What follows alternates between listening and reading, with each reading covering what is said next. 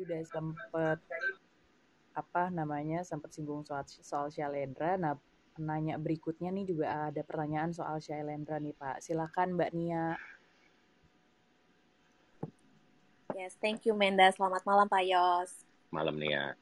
Ya, uh, ini nih Pak, Selendra ini kan udah terkenal nih Pak di market nih kalau punya bonding yang kuat banget nih Pak antara manajemen, karyawan, terus semuanya ini pokoknya super kompak nih Pak.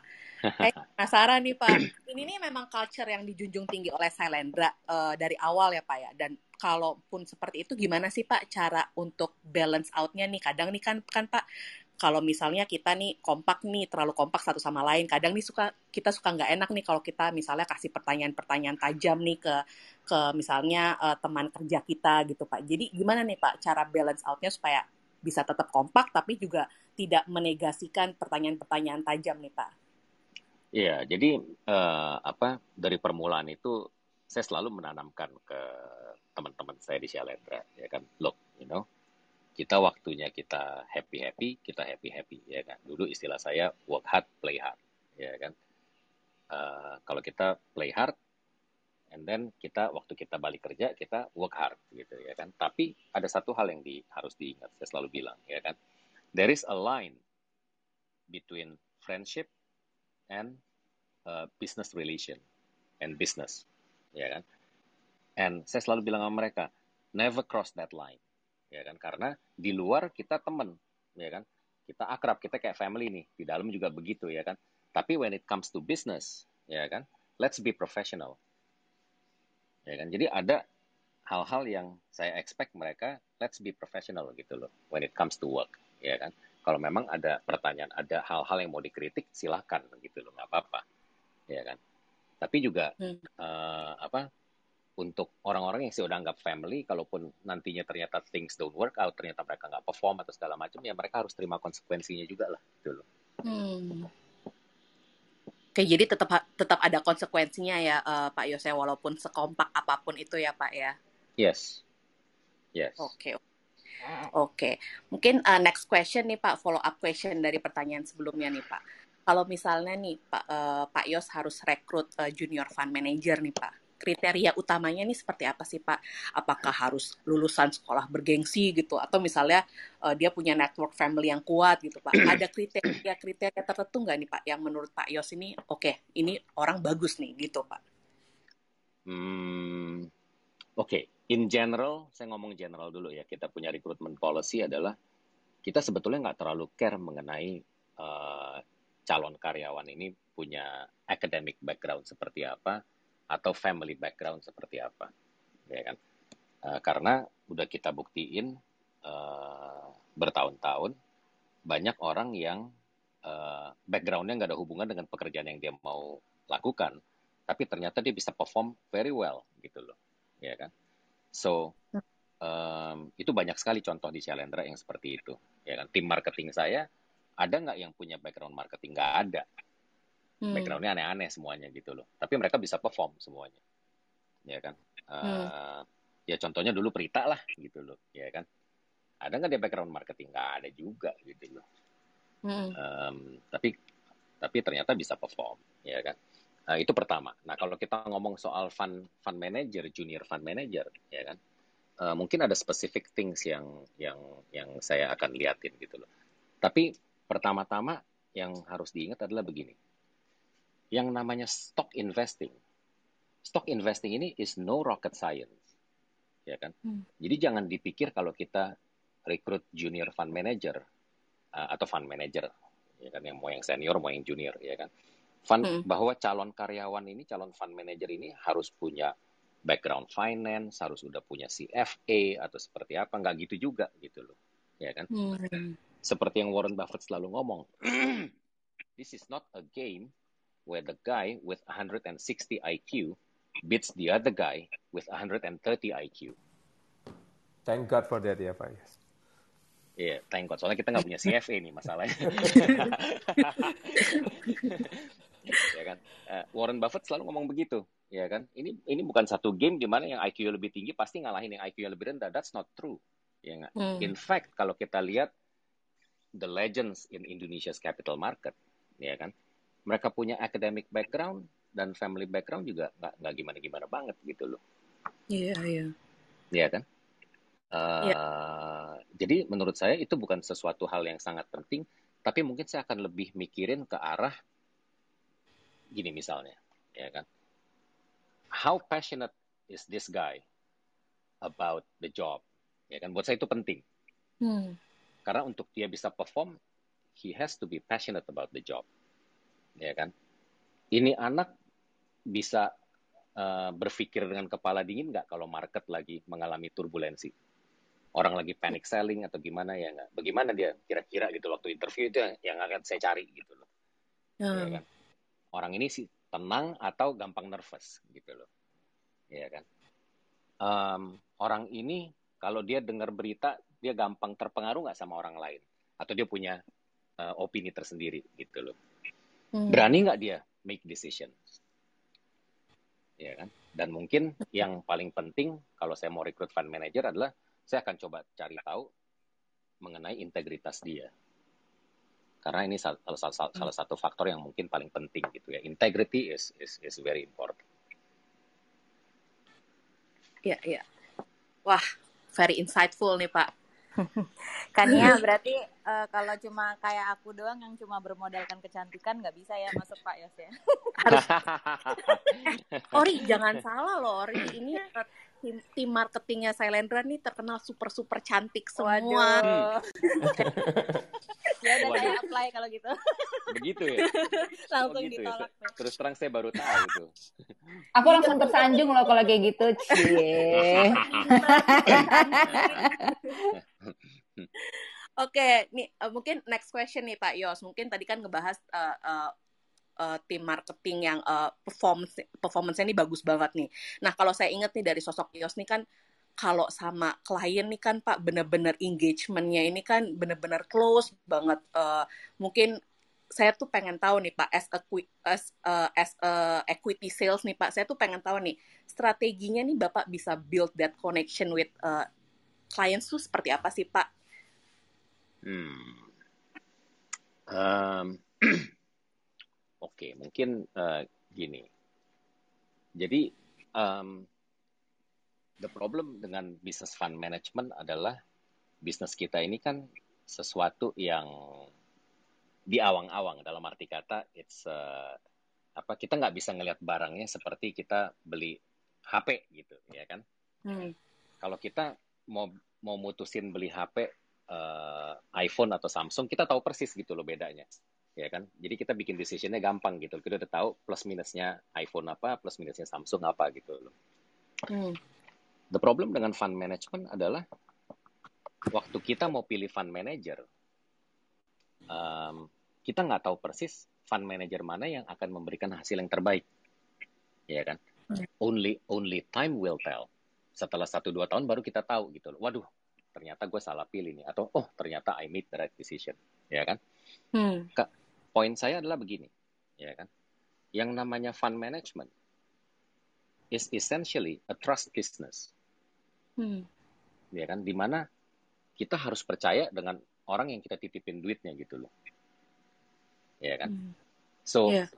ini ini ini kaitannya dengan engagement adalah pertanyaannya menjadi bagaimana caranya kita bisa membangun kepercayaan tersebut ke klien-klien kita ya kan Iya. So jadi eh, apa kenapa engagement kita bisa bisa strong dengan klien mungkin karena beberapa hal ya kan? Pertama kita punya culture adalah kita nggak pernah ngejanjiin klien apa yang kita tahu kita nggak bisa deliver. Hmm. and honestly kita sering sekali kehilangan bisnis gara-gara itu gitu loh. Hmm. ya kan jadi saya ada satu cerita nih. Nah ini zamannya Prita nih dulu nih ya kan? Kita Shalendra baru berdiri tahun 2007 ya kan? Baru berdiri tahun 2007 em, dalam beberapa bulan wah terus terang kita punya return fantastis waktu itu ya kan? So eh, dari nol waktu Januari 2007 AUM kita nol dalam 2-3 bulan menjadi 200 miliar. Di bulan keempat tiba-tiba ada satu dapen besar panggil kita saya sama Prita pergi ke sana kemudian Dapen ini bilang, uh, saya pikir oke, okay, apa seperti biasa dong kasih market outlook dulu, investment strategy seperti apa gitu ya kan? Iya yeah, iya. Yeah. Betul. Saya baru ngomong 10 menit, tiba-tiba dipotong sama mereka. Dia bilang Pak Yos, oke okay, dia bilang, boleh nggak saya potong? Saya bilang, oh ya silakan Pak. Saya pikir mau nanya. dia bilang begini, dia bilang Pak, sebenarnya gini Pak, Bapak nggak perlu presentasi lagi ke kita. Um, kita udah tahu persis, kita udah pelajarin backgroundnya Bapak dan Shalendra seperti apa. Oke, okay, saya bilang. Terus dia bilang, begini dia bilang, kita ini mau menawarkan satu deal ke Bapak. Saya bilang, bagaimana Pak?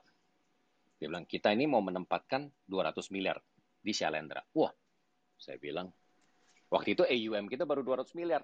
Mau dikasih 200 miliar lagi, langsung double dong. Wah, Prita udah excited banget gitu udah di sebelah saya duduk ya kan. Mikir komisi waktu itu, komisinya gede banget tuh pasti buat gua. Cuan-cuan. saya bilang uh, oke, okay. saya bilang wah terima kasih nih Pak dia bilang. Oke okay, dia bilang, tapi begini dia bilang, ya kan. Saya ini udah ditawarin sama beberapa MI lain, dia bilang guaranteed return 14 persen.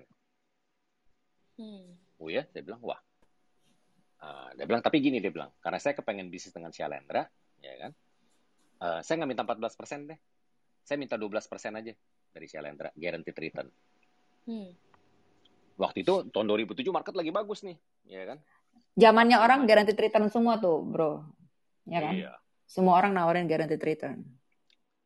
Terus dia bilang, market lagi bagus dia bilang, dan saya tahu Pak Yos ahli main saham, katanya, ya kan. Jadi dia bilang, e, gimana Pak? Dia bilang, kita salaman sekarang apa gimana? Saya bilang, Pak, saya bilang, with all due respect, saya nggak bisa terima tawaran Bapak. dia bilang, kenapa? Dia bilang, Bapak takut. Dia bilang, saya bilang, eh, Bapak takut sama uh, Bapak PAM waktu itu peraturan. Saya bilang, memang peraturan itu tidak memperbolehkan. Saya bilang, tapi even kalau peraturan memperbolehkan, saya tetap tidak akan terima tawaran Bapak. Wah, dia ngoceh-ngoceh. Dia bilang, Pak, dia bilang, ini market lagi bagus. Dia bilang, ya kan. Dan Pak Yos itu ahlinya main saham. Dia bilang, masa masa 12 persen aja nggak bisa dapat? 12 persen setahun lupa berarti cuma satu persen sebulan dia bilang. Lihat aja return bapak dia bilang. Return bapak di fund bapak yang baru itu tiga bulan aja udah 40 persen waktu itu. Hmm. saya bilang oh nggak bisa dijadiin patokan pak saya bilang ya kan. Akhirnya ngotot-ngotot-ngotot dia bilang gini deh. Oke dia bilang saya ini kepengen banget bisnis sama Shalendra dia bilang. Sekarang gini aja deh dia bilang. Bapak nggak usah kasih guaranteed return. Bapak guarantee capitalnya aja Oke apa enggak? Dia bilang. 200 miliar dia bilang saya akan place. Wah, Prita udah tendang-tendang kaki saya nih dari sebelah. Wah. saya bilang sorry Pak, the answer is still no. Dia bilang kenapa begitu? Karena saya bilang begini loh Pak. Saya bilang, you know, sekarang ini market lagi enak banget. Kayaknya making money itu kayaknya easy banget ya enggak? Tapi justru saya bilang number one, dia bilang. Saya bilang sama dia. Pengalaman saya, waktu kita berasa make money itu kok kayaknya gampang ya. Itu kita harus waspada, saya bilang. Ini pengalaman, saya bilang. ya kan Harus waspada, saya bilang. Saya nggak tahu kapan, saya bilang. Tapi menurut saya, mungkin ini nggak bertahan lama, saya bilang. Market ini bisa crash. Anytime, saya bilang. ya kan Dan market itu waktu mau crash, nggak pernah ada peringatan. Nggak pernah ada 20 bad news dulu baru marketnya crash. Nggak begitu gitu loh. Hmm. Ya kan? Market itu kalau mau crash, semua lagi good news, tiba-tiba dia iya, crash. Iya, iya, iya, iya. Sama Ngeri. juga kayak market, sama juga kayak market lagi mau rebound. Coba kalau kita ingat-ingat, ya kan? Market itu kalau mau rebound, pernah nggak ada good news dulu, ada 10-20 good news, baru marketnya rebound? Nggak begitu. Justru market itu mencapai titik terendahnya waktu semuanya lagi bad news. Di situlah market hmm. mencapai bottomnya. Ya kan? Jadi saya bilang sama dia, saya bilang, sekarang Bapak tahu nggak Shalendra Capital itu? Waktu itu kita baru berdiri kan, masih tahun 2007 nih, baru mulai beroperasi Januari 2007. Saya bilang, Bapak tahu nggak modalnya Shalendra Capital berapa? Berapa dia bilang? Cuma 5M saya bilang. Karena hmm. waktu itu memang minimum capital requirement adalah 5M untuk MI. Saya bilang, Bapak tahu nggak? Kalau Bapak place 200 miliar di saya, itu cuma butuh koreksi 2,5 persen marketnya, ya kan? Saya harus top up 5M, capital saya ke wipe out, saya bilang. Hmm. Nah, dia mulai mikir nih, ya kan? Terus saya bilang sama dia, Pak, Mark, kalau market lagi koreksi turun dua setengah persen itu bukan hitungan mingguan lagi, saya bilang. Itu hitungan detik, saya bilang. Dua setengah persen itu bisa ke wipe out dalam waktu beberapa detik doang, saya bilang. Terus saya bilang sama dia lagi, Bapak pernah kepikir nggak Pak? Kalau saya berani ambil deal ini dari Bapak, jangan-jangan saya udah deal seperti ini sama 10 yang lain juga, saya bilang. Hmm. Intinya kalau marketnya koreksi, Shalendra itu tidak akan pernah sanggup untuk bayar, untuk top up, untuk memenuhi komitmen kita, saya bilang. Ya kan? So singkat cerita akhirnya nggak jadi deal. Berita manyun. Hilang deh tuh. Kas Prada. Tapi ternyata, ya kan, kalau kita ingat, tahun 2008 marketnya crash. Iya, iya, iya. Untung kita tidak ambil deal itu. Kalau kita ambil deal itu, Shalendra itu udah jadi history gitu loh sekarang. Udah selesai. Kelar. Iya, benar-benar. Ya kan? So ini yang saya bilang gitu loh. Ya kan, bahwa uh, walaupun seberapa temptingnya bisnis itu, ya kan, easy money dapat fee-nya masih gede waktu tahun 2008 ya kan 200 miliar langsung double AUM saya ya kan hmm. easy money gitu loh ya kan cuma kayak saya bilang gitu loh kita di Shalendra ini kita punya culture adalah look you know kita mau make money tapi we want to make money with dignity ya kan? hmm.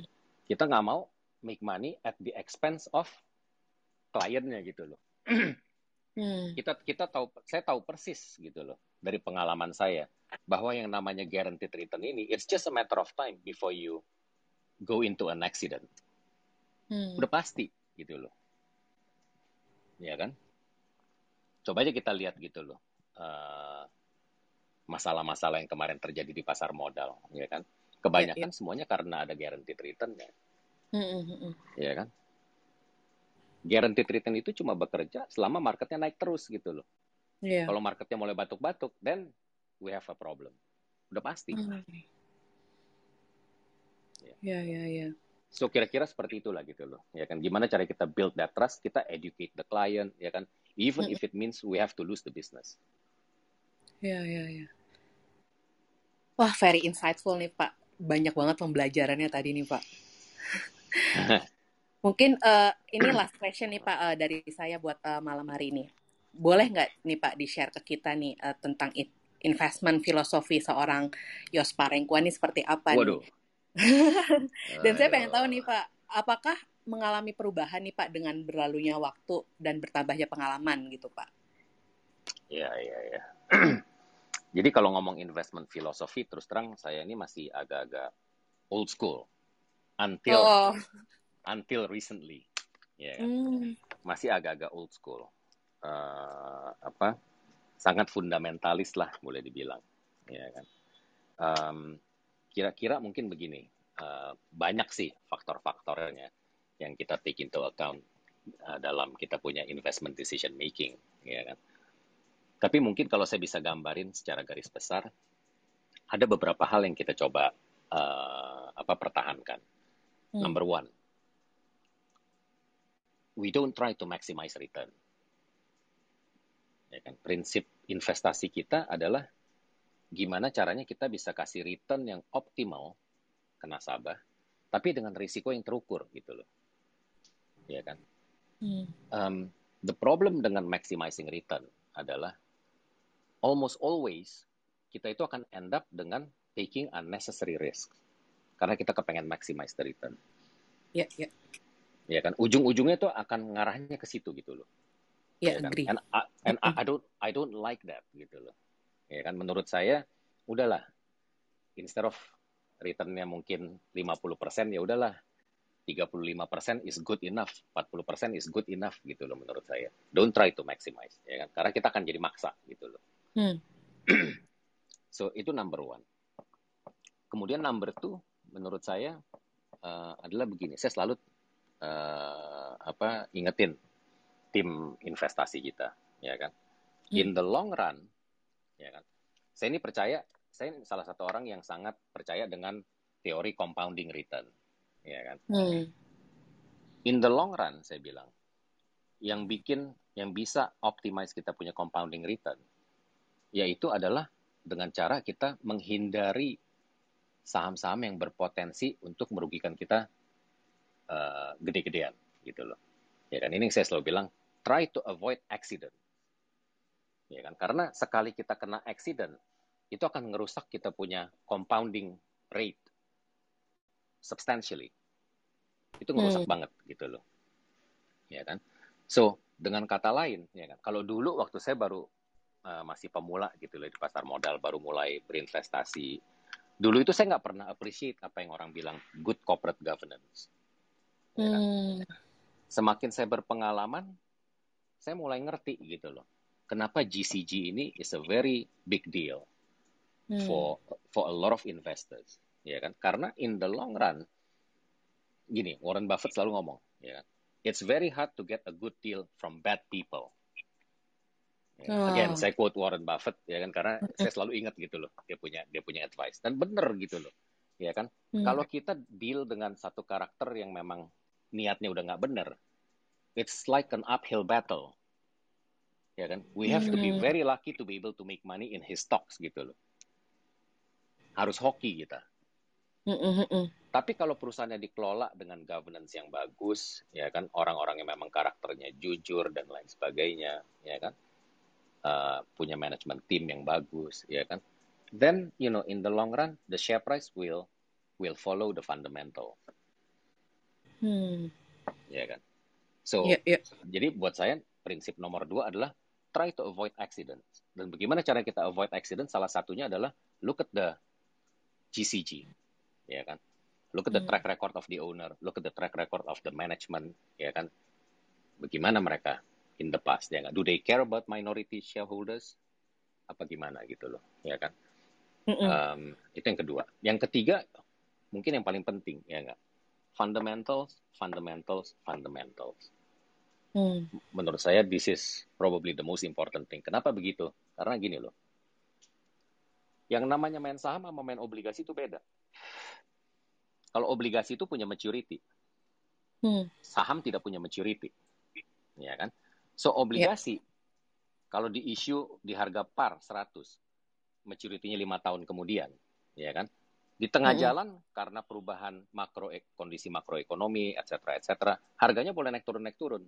Tapi selama emitennya tidak default, selama emitennya bisa kelola cash flow-nya sedemikian rupa dan bisa ngatur refinancing untuk obligasinya, ya kan kalau dia nggak bisa lunasin di tahun kelima, the price will always go back to 100. Ya, yeah, ya. Yeah. Di, di tahun kelima. Benar kan? Benar. Kan? Saham nggak begitu. Saham has no maturity. Ya. Dengan yeah. kata lain, if the fundamentals change, the share price may never return to its previous level. Yeah. Dan kita ngelihat banyak sekali saham-saham contoh yang kita udah lihat nyata gitu loh. Ya kan saham yang tadinya harganya berapa, sekarang yeah. harganya mungkin tinggal 50 perak, ya kan, dan nggak pernah balik. Yeah. Or kadang-kadang saking parahnya kena delisting. Iya. Yeah. Ya kan? So, a change in fundamentals is actually a very big deal untuk saham. Hmm. Beda sama obligasi gitu loh. Ya kan? Obligasi waktu mereka issue, mereka punya waktu lima tahun untuk pikirin gimana cara bayar baliknya gitu ya kan. Dan selama mereka hmm. mampu bayar balik, apakah melalui refinancing atau internal cash flow, the price will always go back to 100. Yeah. Saham nggak begitu loh. Yeah. Saham has no maturity. Ya kan? Yeah. So, you know, when things go wrong in the stock market, the only thing you can hold on to is the fundamental. Yeah. Karena eventually harga saham itu saya masih percaya ya kan harga saham itu akan mengikuti fundamentalnya gitu loh. Yeah. Itu sih kira-kira kita punya investment philosophy. Wah, oke. Okay. Jadi uh, pertama nih Pak, don't try to maximize uh, return. Kedua GCG. Ketiga fundamental siapa ya? Well noted yes. nih Pak Yos. Thank yes. you so much Pak Yos sudah uh, mau jawab pertanyaan-pertanyaan saya malam hari ini. Thank you Pak. Saya kembalikan juara, Pak Yos ini juara.